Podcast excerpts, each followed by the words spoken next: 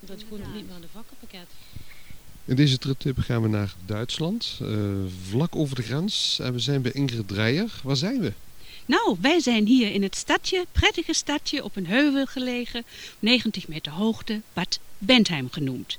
Nou, het woordje bad zegt al dat wij iets bijzonders zijn. We hebben namelijk ook een kuuroord. Maar we gaan eerst even het kasteel bezoeken. Want dat is natuurlijk het belangrijkste en van de verte uit ook te zien. Uh, wij gaan uh, Bad Bentheim bezichtigen, bekijken, beleven. Ingrid Dreyer, je hebt een tip voor ons.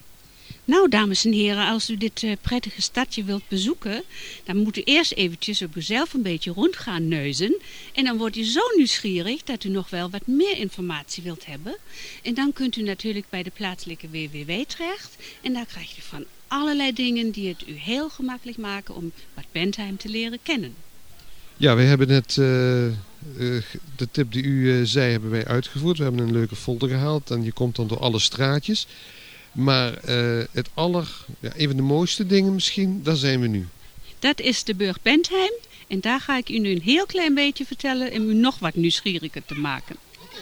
Oké, okay. nou dit hier, dat wordt trouwens ook, dat vind ik... We zijn op dit moment bij de Burg Bentheim. Voor velen het mooiste kasteel, de mooiste burcht van, uh, nou zeggen we, Noord-Duitsland. En West-Duitsland, vlak over de Nederlandse grens. Zoals ik gezien heb is het meer dan duizend jaar oud. En mevrouw Ingrid Dreyer die is eigenlijk onze gids vanmiddag. Nou, ik zal echt mijn best doen en ik begin maar meteen. Nou, wij staan nu op een van de laatste uitlopers van het Tuitenborger Woudgebergte. 90 meter hoog. De burcht ja, zelf weet men niet precies wanneer ze is ontstaan, maar men denkt dat het 1116 is geweest, want dat staat opgeschreven in de boeken. Maar misschien dat er al vroeger een zeker huis op de Hoge Rotsen is geweest. Burg Bentheim werd alleen ter verdediging gebouwd. We kunnen dit zien aan de dikke muren die er omheen gaan. Twee grote stevige poorten waar men doorheen moet komen.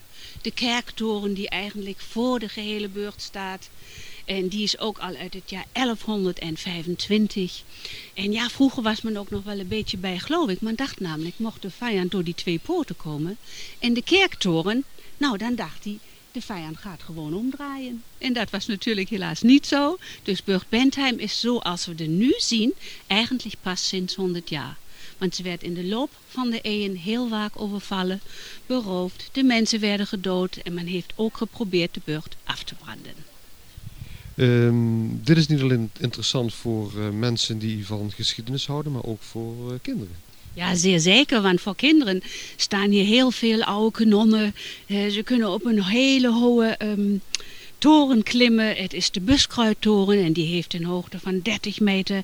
En dat alleen al is een belevenis. En in deze toren daar hebben we het gevangenis van de burcht. Waar de mensen vroeger 12 meter diep bijna werden geworpen. En dus nooit meer het daglicht mochten zien. Wij gaan uh, het daglicht wel zien, maar we gaan eerst even het kasteel bekijken. Hè?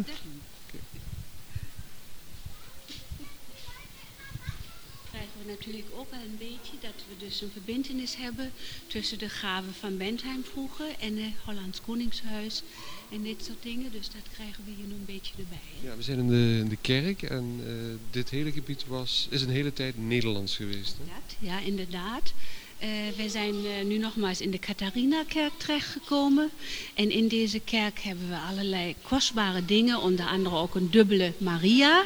Die hangt er helaas boven. Dat is niet zo erg prettig, maar dat is om veiligheidsredenen. En die is van alle twee kanten gelijk. Ongeveer 500 jaar oud. Gemaakt uit een holle eikenstam, helemaal van hand. En uh, dat is eigenlijk heel zelden dat je dus deze figuren in het dubbel eigenlijk vindt. En dat is natuurlijk omdat hij uit het klooster Frenswegen is. Hoorde ook de graven van Bentheim toe. En die heeft natuurlijk in het midden van de gang gestaan. Aan de ene kant de bezoekers en aan de andere kant de nonnetjes konden haar tijdens het preken in het gezicht kijken. Op het, uh, het kasteel, de burcht. Dit vind ik een mooi stukje. Maar we hebben ook de blik van hier tot het mooiste gedeelte van de burg. Dat is de boven van die zandstenen kroontjes hebben. En dit gedeelte is 100 jaar oud. En boven woont nog familie van de vorst. En uh, het is een nu gotische stijl. En bijzonder mooi van binnen zijn natuurlijk ook die ramen. Dat is glas in lood. we kunnen hier vanuit hier kijken naar het kuuroord. dus Bentheim heeft water dat geneest, dat goed is voor ons. En hier wordt met heel veel succes de psoriasis behandeld. Een ongeneeslijke huidaandoening. En het is eigenlijk zo dat het ook heel erg goed zo te bezoeken is, want er is een heel mooi groot park bij. Zondags uh, is er om 16 uur altijd een concert. En man kan zich ook zo erg goed vermaken. Voor de mensen dan zien we eigenlijk hoe prachtig de muur eromheen gaat. Mhm. En hier was ook beneden nog een verdedigingsmuur, want mocht de vijand door de eerste poort komen, dan moesten de soldaten zich gauw weer naar boven terugtrekken, maar die probeerden natuurlijk hun af te weren. Want dit was de enige toegang tot het kasteel.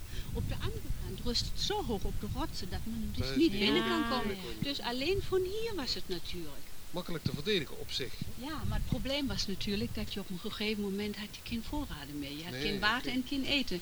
En dan moest je de deuren open doen. Hè? Ja. Nou, dit was dus een uh, wachttorentje. Daar moest dus ook altijd iemand zitten door de gaten kijken of er een vijand kwam. Natuurlijk. De hergott van Bentheim is uit het jaar 1050 en een van de oudste zandsteenkruisen in Europa. Hij is 2,50 meter hoog en de dwarsbalken meten 1,35 meter. En de uitdrukking Herrgott van Bentheim, die is heel ver verspreid. Vooral hier in Bad Bentheim dagelijks gebruikt. Als iets niet wil lukken, dan zegt man gewoon zoals iemand moppelt of vloegt. Dan zegt God van Bentheim, met andere woorden wil je er wel iets aan doen. En het is heel bijzonder, want u ziet dat het de daarstelling is van een christelijke, triomfantelijke God en niet van een leidende Christus. En dat komt omdat men natuurlijk in het jaar 1050 in hem de heerser van de wereld zag. En uh, uh, u ziet ook die schietgaten in zijn lichaam. Dat was een uh, groep van de Poolse armee die hier in 1945 doorgetrokken is. Toen stond hij op de voorplaats en die had een beetje gedronken en die heeft op hem geschoten. En toen ook nog met de vrachtwagen omgereden. Waar zijn rok eindigt, daar was hij dan ook nog stuk. En nu heeft hij dan hier uiteindelijk een zekere plaats gekregen. Ja, in de winter krijgt hij nog een houten kast, dus dan is hij helemaal beschermd. Ja.